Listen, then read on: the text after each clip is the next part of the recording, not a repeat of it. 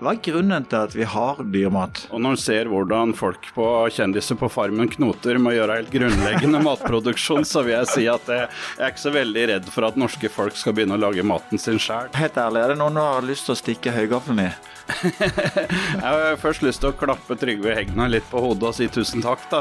Her er Stavrum og Eikeland, en podkast fra Nettavisen. Tor Jakob Solberg er leder i Norsk Bonde- og Småbrukarlag og en av starterne bak det som ble bondeopprøret. Hvorfor er du så forbanna? Jeg er forbanna fordi at systemet vi har i Norge ødelegger livet til mange norske bønder, og vi får oppblåste inntekter som gjør at det ser greit nok ut på papiret. Det gjør ikke det engang, men det er faktisk mye verre enn det det blir beskrevet som. Og nå er vi en hel generasjon bønder som har sagt at vi vil ha tall som viser virkeligheten, og det er det dette handler om. Spør helt ærlig, er det noen du har lyst til å stikke høygaffelen i? jeg har først lyst til å klappe Trygve Hegna litt på hodet og si tusen takk, da, fordi at eh, han var faktisk den første som omtalte bondeopprøret offentlig og gjorde at det blei skikkelig fart i, i, debatten. Så hadde det ikke vært for han, så hadde vi ikke lykkes. Og vi fikk jo bl.a. 300 ordførere til å signere et opprop om krav om endra jordbruksøkonomi i Norge, og 60 000 eh, folk. Så det er veldig bra. Hurdalsplattforma er jo sterkt prega, vil vi si. da. Ta noe Hegnar faktisk var å hjelpe til. Da. Så sånn sett så en takk til han. Og så er det en ting som jeg irriterer meg veldig over, og det er urettferdighet og feig kommunikasjon. Og særlig nå har vi akkurat gjort unna et lønnsoppgjør der alle skal være blide, for vi skal ha ca. samme prosenten. Men det vi vet, da, det er det at det er teknisk beregningsutvalg som kommer med grunnlaget. Og det er viktig, men så gjøres det jo frontfagsoppgjøret i kroner som konverteres til prosent. Og det er derfra og ut at det rare starter, for da skal vi bruke den samme prosenten med noen sånn trøstepoeng til de i bånn, eh, egentlig. Men poenget er at i Norge nå så øker forskjellene i en rasende tempo, men det ser rettferdig ut for alle skal ha samme prosenten. Det er noe av bakgrunnen også for bondeopprøret, at vi så det at organisasjonene de lar det ene året gå fra det andre og ikke tar egentlig kampen om hva som faktisk skjer i de lengre linjene. Da. Og Derfor så vil jeg si at norsk arbeidspolitikk, men også landbrukspolitikk, i dag er sterkt urettferdig. Da. Uavhengig om du mener det eller det i forhold til jordbruket eller arbeidslivet. Da. Det er viktig med rettferdighet. Skal, du var innom mange poenger, og vi skal være innom alle de poengene. Men la oss begynne med det som vi andre lurer på. Her betaler vi titalls milliarder kroner i året til næringen din, og likevel så har vi verdens dyreste matvarepriser målt i norske kroner. da. Hvorfor i all verden skal vi subsidiere en næring som ikke klarer å lage billig mat til oss? Nei, alternativet er jo at du må lage maten sjøl, eller hente den i utlandet. og det, Begge deler er helt sikkert mulig, men det gjør oss veldig sårbare, vil jeg si. da. Og når en ser hvordan folk på kjendiser på Farmen knoter med å gjøre helt grunnleggende matproduksjon, så vil jeg si at jeg er ikke så veldig redd for at norske folk skal begynne å lage maten sin sjøl. Eh, og så kan du si i forhold til import, da, så er det jo en vanvittig risiko vi tar da, i forhold til ja, nå er vi verdens rikeste land, men vi bruker faktisk bare rundt 12% av inntekta vår på mat, da, som er et av de laveste prosentene i Europa. Så kaster vi hver fjerde bærepose mat vi kjøper. da. Sånn at, og vi bruker faktisk mer penger på alkohol enn på meieriprodukter i landet her. Så egentlig så har vi sagt at uh, vi kunne like gjerne satt opp en container utafor hver dagligvarebutikk og så kasta hver fjerde pose før vi bærte den hjem, for den er tung å bære på. Når vi ikke har tenkt å spise den opp allikevel, så er kanskje ikke maten så dyr. Men alle dette er systemet hvor alle, alle, klager på alle. Altså, eh, Matvarekjedene de, de, peker på dyre råvarepriser, dere peker på profitt i, i dagligvarekjedene. Og vi som betaler på maten, vi syns jo den er dyr. Hva er grunnen til at vi har dyr mat? Nei, det er jo kostnadsnivået i Norge, og vi har også valgt å ha et jordbruk som ikke er så veldig industrialisert. Altså Det er jo i ferd med å flytte seg til et industrialisert jordbruk i Norge òg. Men vi har et eh, jordbruk i hele landet, og det kommer med en kostnad. Men det gir også store verdier for hele landet vårt. og Det er jo interessant å se at svært fremtredende forsvarsprofiler sier jo bl.a. at vi er suverene på eget land. Altså at det er folk som bor i hele landet. Helt grunnleggende for hvordan vi ser på landet vårt. og også vår evne til å beskytte oss sjøl mot både kriser og krig. da. Men vi kan jo spise fisk. Vi eksporterer vel 7 millioner eh, måltider, 35 millioner måltider hver dag. Så vi kan jo spise syv fiskemiddager hver dag. ja, det, vi kan spise betydelig mer fisk enn i dag, og kanskje burde vi det. Ironisk nok så er jo fisk mye dyrere enn kjøtt. Så hvis du skal erstatte kjøtt med fisk, så kommer matbudsjettene til folk til å gå opp.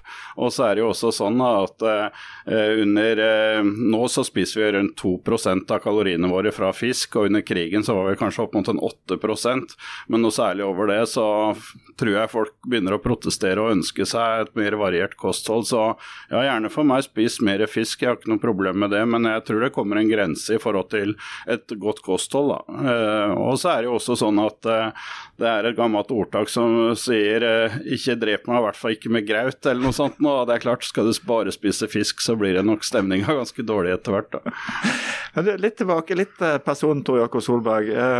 Du, Da du begynte som bonde, så må jeg kunne si at du var virkelig en småbruker. Fortell om starten din som bonde. Ja, nei, Jeg er oppvokst på en gård i Ski og var eldst der og skulle egentlig ta over den. og Foreldrene mine drev jo da et variert gårdsbruk, så hadde rundt tolv kuer. Og så dro jeg ned til New Zealand og jobba på en gård der da, som hadde 440 kuer. Og han bonden jeg jobba for der, han hadde bygd opp alt dette etter andre verdenskrig. Han var pilot i slaget om England og landshelt, og jeg var helt betatt av jordbruket i New Zealand, som var utrolig eksportretta og offensivt. da. Og så spurte han meg hvor mange kuer vi hadde hjemme, og jeg synes det var Jeg så veldig opp til han, da, så jeg så han rett i øyet, og så tenkte jeg meg litt om, og så sa jeg vi har 16 cows home selv, da, på fire kuer, da. Han hadde 440. Og det er jo egentlig litt interessant, da, hvordan eh, Men det en så på, da, det var det at levestandarden på de to familiene, altså der jeg kom fra, den var ganske lik. Og bare noen få år etterpå så var denne konkurs, denne gården, fordi at det var litt dumme ting som skjedde, da, og markedet også jobba imot. Så det skal en i hvert fall ha med seg, da, at uh, selv om en gårdsdrift kan være stor, så betyr ikke egentlig at han tåler så veldig mye.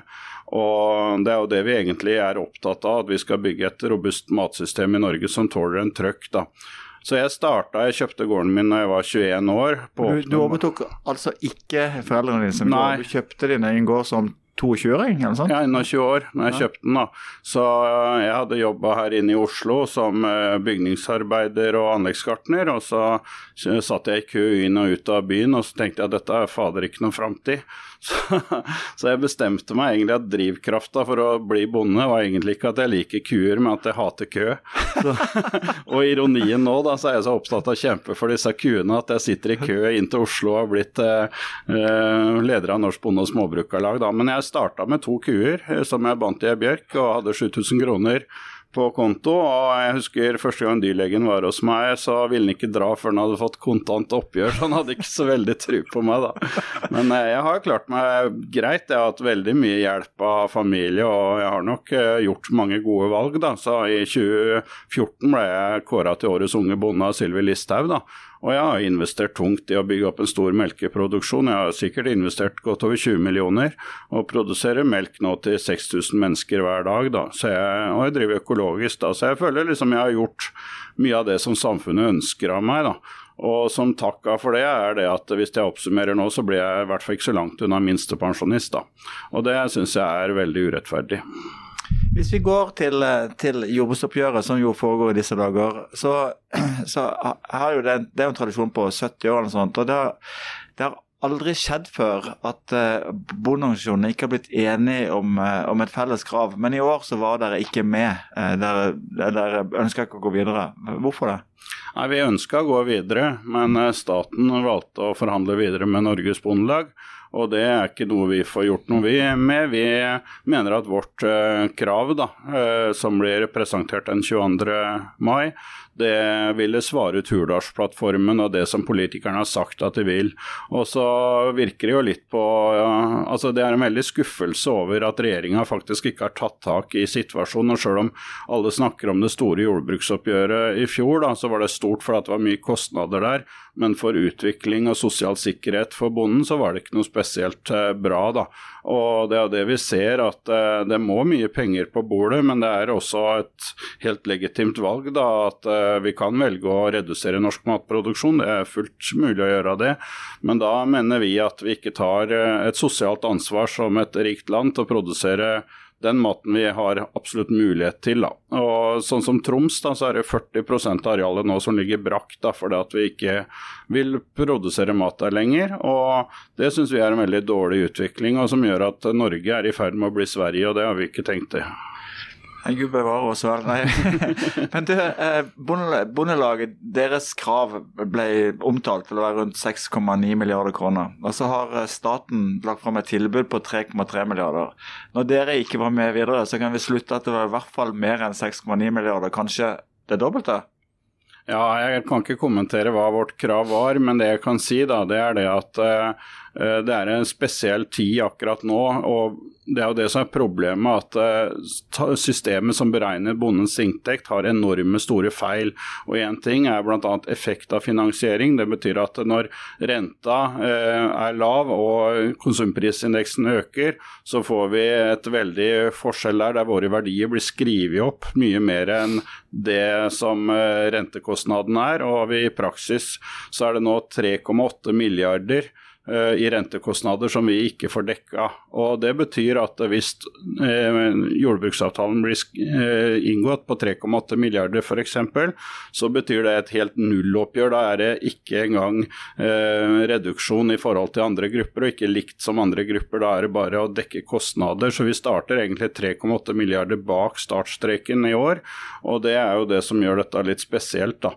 Eh, så det blir veldig spennende å se morgendagen. Eh, det er jo sånn at eh, Vi har jo blitt beskyldt for ikke respektere tallgrunnlaget, og det kan jo på en måte si at jo, vi respekterer tallgrunnlaget, men når det står ting også i tallgrunnlaget og hva som faktisk skjer ute på bondens konto, og i en sånn situasjon nå der min generasjon bønder da, som har investert faktisk snart ikke har råd til å drive og planlegger egentlig å gjøre om fjøsa sine til campingvognlager, så, så, er dette et veldig dårlig signal. og Det er det vi kanskje har merka lenge, at eh, verken Senterpartiet eller Arbeiderpartiet har tatt nok inn over seg det som faktisk skjer. så Mulig de har andre rådgivere enn oss, men eh, vi har i hvert fall en stor eh, støtte i ryggen og får mange nye medlemmer, for at folk ser at den politikken som føres, den er lagt opp etter hva eh, Bondelaget spesielt tror er mulig å få fra staten, og ikke hva som er næringas behov. og Da får vi eh, avslutta fjøs og gjengroing av Norge i praksis, når vi forholder oss til det vi tror vi kan få i stedet for å synliggjøre sånn vi mener det skal gjøre, hva som er det faktiske behovet. da.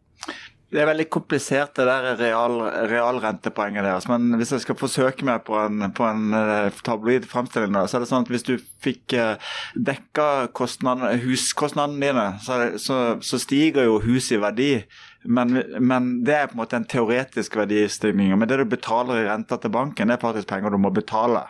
Så Det du påpeker, det er på en måte at kanskje stiger eh, gården i verdi, men det som i hvert fall er sikkert, er at dette blir mye dyrere å ha, ha lånet. Helt riktig, og så er det viktig å få fram det at eh, de aktive bøndene, sånn som jeg er en del av, vi, vi har jo tatt stor risiko. og Når vi ser at eh, hvis en bonde blir syk eller skilsmisse eller andre ting, og den gården må selges, så får du ikke igjen det som du har investert i fjøs engang. Altså, det er jo derfor mange kvier seg for å investere, for at risikoen i forhold til oppsida er altfor høy. Da. Så eh, typisk, eh, hvis jeg ikke hadde bygd fjøset, så hadde gården min vært nesten like mye verdt som en slags hyggelig hestegård og bosted, da, eh, i forhold til om jeg hadde investert 20 millioner i mjølkeproduksjon. og Det oppleves jo som en ganske dårlig forretningsidé. Da. Og Derfor så vil ikke jeg anbefale flere yngre folk å investere i dette før vi har fått en tydelig avklaring på eh, vilkåra for næringa framover. For at eh, Grytten-utvalget, som var satt ned av forrige regjering, de sier jo tydelig at det er ikke avkastning på egenkapitalen i jordbruket, den er faktisk negativ. Og Det er jo fint for forbrukerne sikkert på kort sikt, men for bonden er det totalt ødeleggende. For at vi har store verdier som, som eh, vi ikke får noe effekt av. Da. Og det er klart at Særlig nå som rentenivået øker også, så blir dette veldig dramatisk. Så Eh, jeg vil si at én eh, ting er hva bonden skal tjene, men en annen ting er at det skal beregnes på en måte der vi aksepterer tallene. Og det er helt grunnleggende. Og så kom jo også Grytten-utvalget fram. De tok jo seg bryderi til å hente skattetall for 2020. Og der eh, sier jo skattetallet at norske jordbrukere, når en justerer for årsverk, tjener 212 000. Det skal dekke arbeid og egenkapital, da. Det er jo en veldig spesiell uh, næring. da, for Hvis du skal ta et sånn type økonomisk argument, så hadde jeg sagt at ok, uansett hvordan du regner på tollmurer og, skjermingsstøtte og sånt, nå, så, så hadde dere jo vært rikere om dere bare hadde fått penger i hånda istedenfor å drive med dette, denne matproduksjonen. Ja. Så det, det, En økonom vil jo si at dere egentlig faktisk driver med negativ verdiskaping. Mm. Hvorfor driver de med det da? Nei, det er et godt spørsmål. Det har jeg tenkt på mye i det siste sjøl. Nei, men eh, altså, vi driver jo ikke med det fordi vi aleine syns det er moro. Men det er klart at dette er jo yrke Altså, slekta mi har vært bønder siden vikingtida. Eh, det betyr ikke at vi ikke kan noe annet, men det betyr jo bare at det har jo litt eh, historisk verdi å videreføre en kunnskap som er nedarva gjennom generasjoner. Og så er det ikke tvil om det at eh, det er en veldig flott yrke og meningsfullt. Altså, når jeg jobba som bygningsarbeider i Oslo, så følte jeg ikke det som meningsfullt. Jeg beklager bygningsarbeider, men jeg følte ikke den gleden da, som når jeg dyrker jorda, merker årstiden og sånn, men den gleden også har fått fått seg en veldig eh, smell, vil jeg si, da, når du ikke føler at du skal ha en sosial sikkerhet som andre i samfunnet. Og norske bønder, jeg mener vi er ganske eh, milde når vi sier at vi bare vil ha det som gjennomsnitt i samfunnet. for at eh, vi er jo arbeidsgivere og tar stor risiko i forhold til klima og, og, avlinger og marked og hele pakka i forhold til en lønnsmottaker. Så det å komme opp på nivå med en lønnsmottaker, det syns jeg er ganske beskjedent, egentlig. da. Og, og, så kan folk si at ja, men eh, vi er so eh, selvstendig næringsdrivende, og det er vi faktisk. Men vi ligger eh, som en del av en hovedavtale, og da må man jo forvente at snittet av næringa på en måte må gjenspeile på en så stor populasjon da, på rundt 40 000 bønder, så, så, er det både flinke, meget flinke folk inni der, og gjennomsnittlige folk, og sikkert folk som ikke yter så mye, men snittet er eh, Jeg er helt sikker på at snittet av norske bønders innsats er bedre enn snittet ellers i samfunnet. Vi jobber lange dager, og, og det er det en ser nå, at mange bønder er både deprimert og har store økonomiske bekymringer. Og, og så er det sånn at de fleste som avvikler jordbruket, da, de frigjør jo da masse kapital og får seg lett jobb. sånn at det er jo ikke sånn at vi sitter der som en gjeng eh, ungkarer ute på øya og ikke veit hva vi skal finne på, så vi går rett i arbeid. Og, og det også er jo kanskje også noe som skjer nå at eh, barn av bønder er jo mer og mer utdanna. Mange har jo hatt toppjobber før de eventuelt skal ta over gården. og det er klart at eh, Hvis du er vant til å tjene kanskje 800 000-900 000 i en med lederstilling eller noe, som er ganske vanlig, så, så syns er det, er jo det vi ser, at mange får seg skikkelig overraskelse når de ser hvilken sosial risiko de må ta. da, der du faktisk, Vi har jo jenter nå som går i fjøset to dager etter fødsel, og det ene jeg kjenner oppe i Trøndelag, han jobber med brudd i ryggen, for han har ikke råd til avløser. og Det skal ikke være sånn. Men nå har de jo fått de fått regjeringa deres. Det er jo en bonde som er finansminister, og det har en arving til en lammegård som er eh, landbruksminister. Du er vel strålende fornøyd med Senterpartiet i regjering? Nei, jeg syns vel i og for seg at regjeringa har en lang vei å gå i forhold til å ta næringa vår på alvor. og og Det er en stor skuffelse, og det merkes veldig ut på grasrota også nå, at det er en veldig utålmodighet. Og så er det Én ting er hva ting koster, en annen ting er hva de gjør. og Typisk en ting da, i forhold til egg, da, så har det vært overproduksjon en periode nå. Og der kunne regjeringa gjort at det fikk stoppa å bygge nye hønsehus. Så skal en spørre hvorfor bygger disse bøndene hønsehus når det er overproduksjon. Og det er jo fordi at det er en lettvint produksjon å produsere egg. da, Og kraftfòrkrevende produksjoner har hatt ganske bedre økonomi. Ikke bra økonomi, men bedre enn en, en grovfòrbasert. da. Men poenget her er det at eh, vi har for mye egg, og det kunne vært gjort noe med fra myndighetenes side, men de gjør ikke noe med det. Vi ser på pelsdyrbøndene som ble bestemt avvikla. Deres oppgjør er ikke sluttført, og lista er egentlig ganske lang da, over mange av de tinga som regjeringa har sagt de skal gjøre. og vi merker jo også, De har jo sagt at de skal komme med et nytt tallgrunnlag, som var liksom bakgrunnen for bondeopprøret. og De har ikke, de ikke starta å jobbe med det. og Det samme med en opptrappingsplan.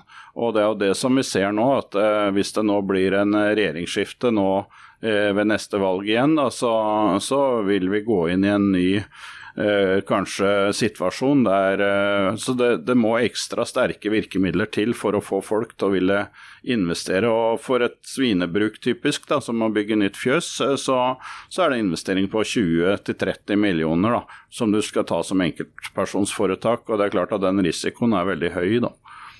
Føler du deg svikta av, av uh, landbruksministeren? Ja, det vil jeg si. Og jeg opplever i og for seg det at uh, nå vet vi ikke resultatet av jordbruksavtalen uh, som kanskje kommer i morgen, da. Men uh, det vi vet, det er jo det at når vi ser i teksten i statens tilbud, så er det elendig og egentlig ikke noe De har ikke tatt inn over seg noe som vil føre til økt selvforsyning, sånn vi ser på det. da. Så, så dette er et mageplask fra regjeringa så langt. og jeg vil si at uh, de har en lang vei å gå for å bygge opp den tilliten. Og så er det jo også sånn at uh, mye av dette samarbeidet, det handler jo om et rød-grønt samarbeid. Og Arbeiderpartiet var på 1. mai-markering, og de snakker om uh, arbeiderens rettigheter med tårer i øyekroken, og det er veldig bra. Det har vært en viktig prosess som har gått i 100 år der. Men når det kommer til å gjøre ting i dag, så virker det som det er litt tyngre, da. Og det, det viser jo kanskje at vi har politikere i dag som faktisk er eh, veldig opptatt av egentlig å beskytte seg sjøl og systemene enn å utvikle det til gode for dem som har stemt dem inn. Da. og det, det opplever nok mange i jordbruket som veldig provoserende.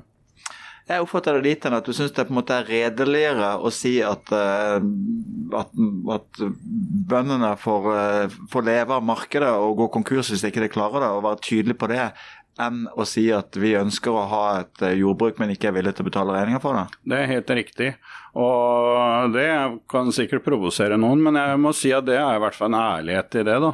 Så Sånn sett så, så syns jeg det er den derre løgnen og, og, det at en legger inn en bestilling, men ikke tar inn i seg den uroen som har vært lenge nå, den er veldig problematisk. og Jeg tror jo det at eh, Norsk Bonde- og Småbrukerlag helt sikkert kunne vært mye enklere å ha med å gjøre i vår hvis vi hadde fått noen avklaringer i forhold til at de hadde tatt ting på alvor, men de avklaringene har ikke kommet, og da, da blir konfliktnivået høyt. Og, og, så er det jo sånn at vi ønsker en endring av jordbrukspolitikken, så til det du syns har vært dyrt, så skal jeg love deg at du kommer til å få litt å tenke på framover. For vi kommer til å gi gass i forhold til at uh, vi skal ha et mangfoldig jordbruk uh, der det er uh, økt selvforsyning og, og full, full, fart i forhold til å ta i bruk norske ressurser. Og vi kommer til å ønske en alternativ politikk der lokalmat mat blir enda viktigere, og at vi skal ha en eh, positiv utvikling for dyrevelferd, og at vi skal ha mange flere positive elementer på plass. og I dag så står de på ønskelista, men de er ikke finansiert. Så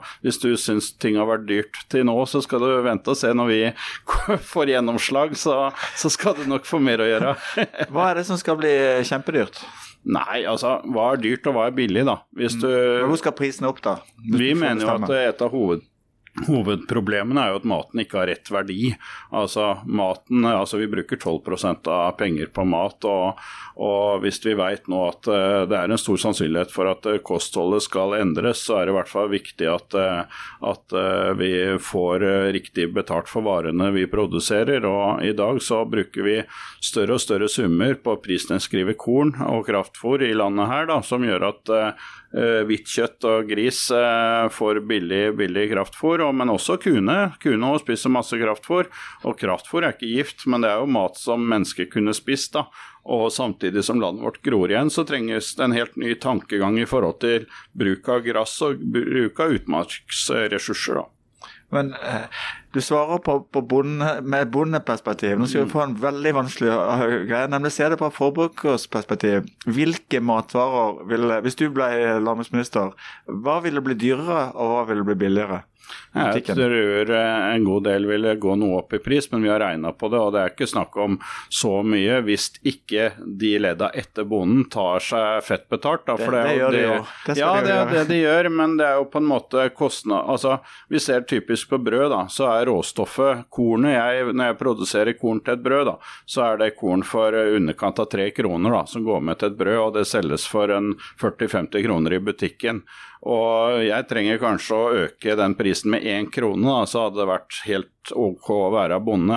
Og det betyr jo egentlig at den prisen i butikk skulle bare øke med kanskje 1,5, hvis den tar med litt kapitalkostnader og litt småtteri videre utover. Men det er jo det en ser, at det er prosentpåslaget, og når jeg snakka innledningsvis om prosentens jævelskap i lønnsoppgjøret, så kan jeg også si at det er jo sånn all handel også går, da, i prosentoppgjør. og det er jo derfor at eh, påslag på råvareleddet virker så håpløst, da, for at det får så store ringvirkninger ut. og Vi ser jo nå på melka typisk, som jeg produserer, så har jo melkepris til bonde nesten ikke endra seg siden 2015, mens i butikk så har den gått opp fem kroner. da.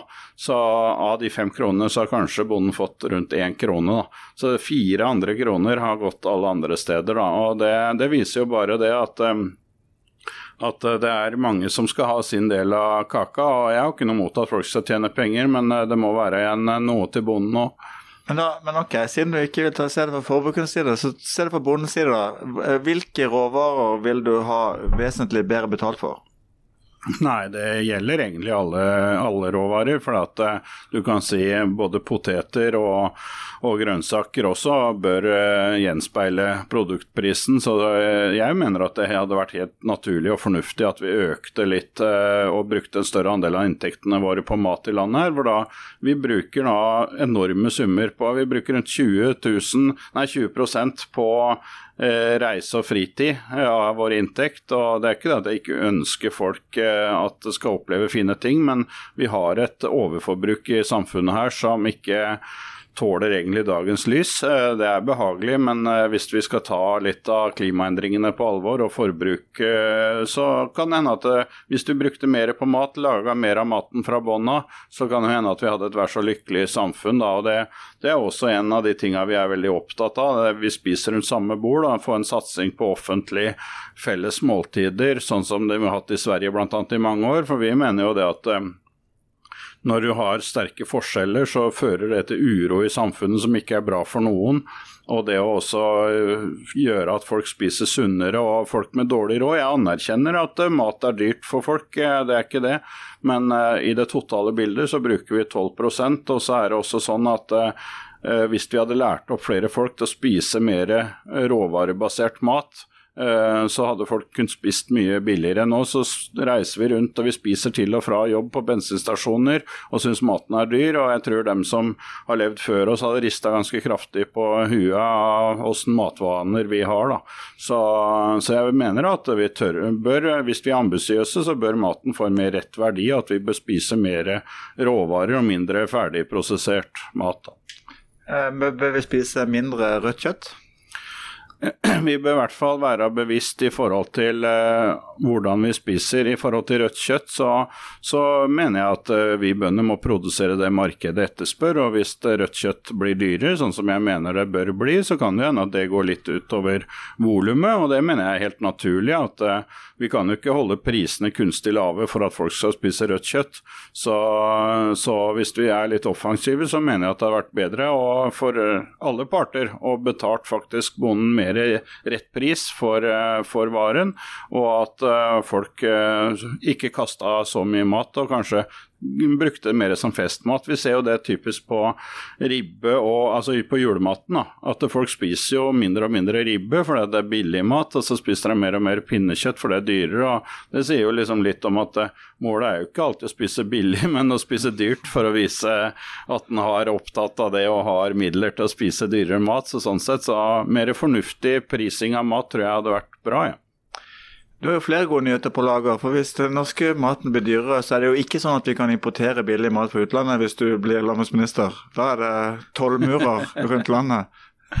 Ja, nei, altså Toll er jo en naturlig del av det å sikre at vi har et eget marked som fungerer. Det er ikke tvil om det. Men det er jo sånn på mange andre områder òg at vi har systemer som hindrer at vi ikke blir utkonkurrert. det er, Så det er jo ikke noe unaturlig, og det er jo ikke bare for mat det gjelder. Så, så sånn sett så mener jeg at det er rett og slett en konsekvens hvis en ønsker norsk selvforsyning og ønsker et frodig, mangfoldig land der det er bra å spise bra å leve. Så om det går litt utover det bruk-og-kast-samfunnet vi har, så mener jeg det er et bra verdivalg i den tida vi er nå. Da.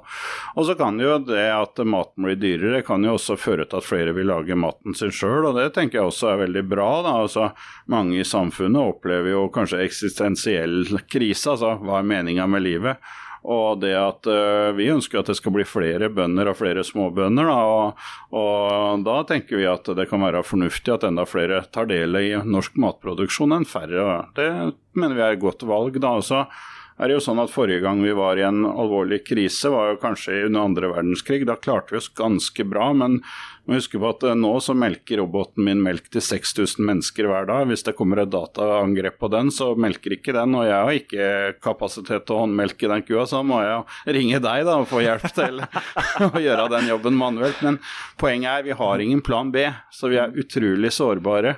Så Derfor så mener jeg at eh, det som kanskje noen vil si er en litt gammeldags politikk, faktisk vil bli den mest moderne måten å tenke på. Ikke at vi skal helt tilbake til 1800-tallet, men at vi skal skal ta norsk matproduksjon inn i en ny og litt spennende tid, og at eh, andre i samfunnet også skal være litt matprodusenter, det tror jeg er veldig bra. Da er deltidsbonden også veldig positivt. Da jeg snakka med en som var statsviter, og han sitter på et småbruk oppe i Hallingdal og ser det gror igjen utafor vinduet sitt. Jeg mener det hadde vært veldig bra, og han var i og for seg enig om det sjøl, at eh, kanskje han skulle hatt en liten saueflokk, da i hvert fall passa på at det var fint rundt der han bodde, så hadde han jo i hvert fall kjøtt da, hvis det trengtes, og ikke minst barna lærte litt om hvordan det virkelige livet er, at Doffen har daua. Det er eh, brutal og ærlig i verden eh, å være bonde. Så, så det, er, eh, det, er, noe med å få folk til å bli litt smartere. Og jeg tror jo flere som er med å lage litt mat, jo smartere befolkning får vi. da. Men det er ikke alle som kan gjøre sånn som dere bønder, og fly inn folk fra Vietnam og fra Polen til å gjøre jobben for oss.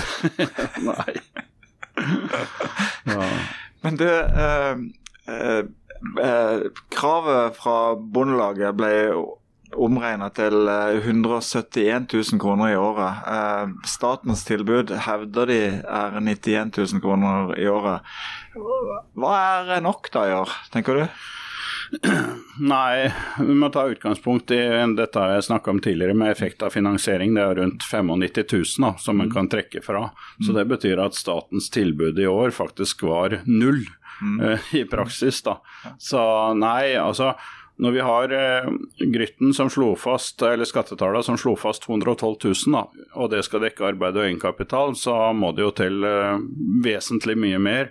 Så, og så er det jo også sånn at eh, hvis du skal ha et tydelig signal i en turbulent tid, så, så må vi opp i eh, betydelig mer enn det Bondelaget har krevd. For hvis den trekker fra 95 000 og legger til grunn at vi ligger så langt etter, så, så er det, det er en ikke holdbar situasjon. Og, og så er det sånn at regjeringa har jo sagt eh, tidligere da, i valgkampen, når de brydde seg litt mer om oss, at, eh, at de skulle prøve å gjøre dette på fire til seks år. Og nå er det to landsmøtevedtak der de skyver på det. da, og det det misliker vi veldig, eh, så klart. for det, også, Særlig også det når Sandra Borch sier at det, det kunne vært verre.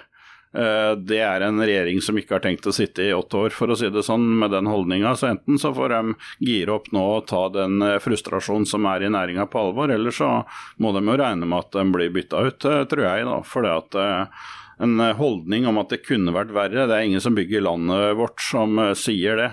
Så, så nå får de skjerpe seg. Nå, nå, snakker du nesten som en politiker. Få ta tallene dag. Hvis dere mener at dere har 230 000 i årslønn, og eh, det skal opp i 600 000, eh, og det begynner med minus 95 000 på finansiering, så må dere jo opp i eh, flere, altså 200 000-300 000 kroner i år da, for, for å være innafor. Er du enig?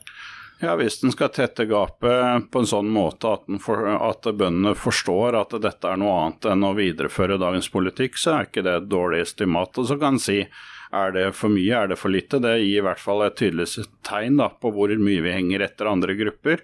Og så erkjenner vi jo at det finnes bønder som er rike, det finnes bønder som er kjemperike i landet her. Men det sier også noe om at når snittet er det, så er det faktisk folk her som er så fattige. og og Det er verdt å merke seg at uh, det er folk nå som, uh, som har til, jobber et helt liv, og som egentlig ender opp som minstepensjonister gjennom å være matprodusenter. Og når du jobber hardt og tar risiko, så må du forvente å sitte igjen med mer enn en lærerlønn.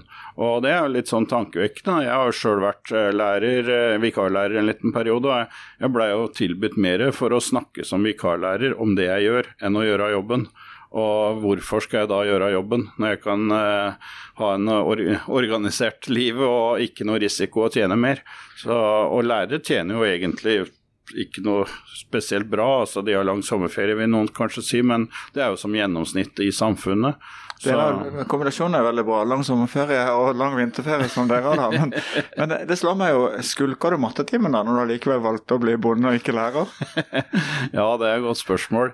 Nei, altså jeg har alltid vært glad i å skape ting og bygge opp ting. Og når jeg starta med to kuer og nå har bygd opp en stor uh, gårdsdrift der jeg driver tolv gårder og er arbeidsgiver for flere, så, så, er det jo gleden av å skape som er en drivkraft. Og så kan en si har jeg gjort dårlig valg. Uh, det var ikke jeg som valgte at mjølkeprisen prisen skulle stå stille i mange år i hvert fall. Og har hatt år jeg har tjent bra, jeg. Men hvis en ser på snittet, så er det elendig. Og det er jo det en tross alt eh, får pensjonspoengene sine fra, da.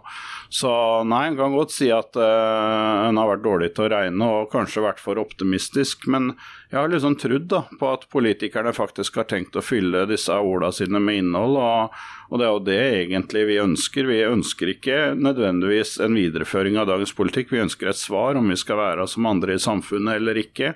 Og hvis vi ikke skal ha det som andre, så finner vi nok mest sannsynlig på noe annet, da. Det er vel grunn til å tro at årets jordbruksoppgjør kommer til å havne i Stortinget. Eh, og La oss, eh, la oss, legge til grunn at det blir omtrent et eller annet sted mellom det som da staten tilbød det Bondelaget krevde. Eh, hvis det kommer en person bort til deg som er 21 år og lurer på om han skal kjøpe en gård og ta to kuer og binde til, til Bjørka, vil du si go or no go? Jeg ville sagt no go. Fordi at uh, den risikoen som den personen tar, den er altfor stor i forhold til oppsida. Så, så, med en videreføring av dagens politikk, så vil jeg absolutt ikke anbefale en person og Én ting er å drive mangfoldig og litt mindre og ikke ta så store investeringer, men det er særlig når den skal effektivisere og bygge større driftsbygninger og sette seg i kjempegjeld. Det ville jeg vært veldig skepsis, skeptisk til. Og du kan si at jeg har sjøl gjort det. Og, og, jeg var og holdt et foredrag en gang på en barneskole borte i Auri i Møre og Romsdal.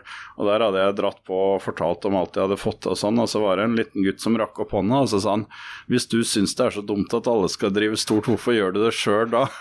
og det var jo første gang jeg opplevde et ærlig spørsmål, nesten. ikke sant? Ellers er det stort sett bare applaus og du er flink og sånn og sånn. Men eh, det var egentlig herlig, men ærligheten, altså noen ganger så må det kanskje en femteklassing til da, for å spørre de rette spørsmåla. Det er det egentlig som er situasjonen som jeg ser det i dag. Norske bønder, eller i hvert fall de av oss som er opptatt av det samme som meg, har spurt skal vi ha det som andre i samfunnet. Og Hvis svaret er nei, så vet vi i hvert fall det, og da vil vi ta våre vurderinger ut fra det. og og hvis det betyr at norsk selvforsyning eh, går ned, så er ikke det vårt problem. Altså, vi klarer oss, men, eh, men eh, jeg syns det er veldig I dag brukes det enorme penger på investeringsmidler, da, som skal egentlig lokke folk til å gjøre ulønnsomme investeringer. Og Vi har vært kritiske til den bruken av Innovasjon Norge-midler, og nå bruker vi mer og mer midler på flatbygdene, da, der jeg holder til. Sånn som jeg mottar nå 1,7 millioner i statsstøtte. for å drive. 1,7 millioner? Ja, ja. Ja, mer enn vi, nei, vi. Ja, det er nesten som en eh, avisansatt. nei, men poenget er det at jeg vil jo heller ha betalt for varene mine. I hvert fall en kombinasjon. da. Så det er jo det vi ser når vi framskriver nå de retning, eller de tegna vi ser nå. da. Så, og fjoråret var jo masse på tilskudd og lite på pris, og vi mener at når vi bruker 12% av maten og inntekta vår på mat, da, så må det være rom for å øke, øke prisen til bonde for råstoffet. da. Og så og det er jo liksom det vi ønsker, å få betalt for å gjøre jobben. Vi ønsker ikke å være noe postkassebønder, som det kalles. Og det er jo litt av ironien her også, at mange av de produksjonene som tidligere klarte seg sjøl og henta inntekter i markedet, sånn som kylling typisk, og kalkun, de får jo nå stadig mer og mer overføringer gjennom disse prisnedskriving av kraftfôr. Sånn at i dag så bruker vi jo masse, masse penger på å gjøre de mest effektive produksjonene, både i flatlandet og, og i kraftforkrevende produksjoner, eh, billig. Med, og de penga tror vi kanskje delvis havner i kjøpmannshender i stedet for hos bonden. Da, for eh, Hadde bonden fått rett betalt, så hadde nok det vært vanskeligere å ta marginer sånn som de gjør på norske maten. Da. Så, så, men det er jo en evig diskusjon, det som sikkert går om 1000 år òg, hvem som tjener penger på mat. Men poenget er at hvis du følger penga, så ser du at noen klarer seg veldig bra.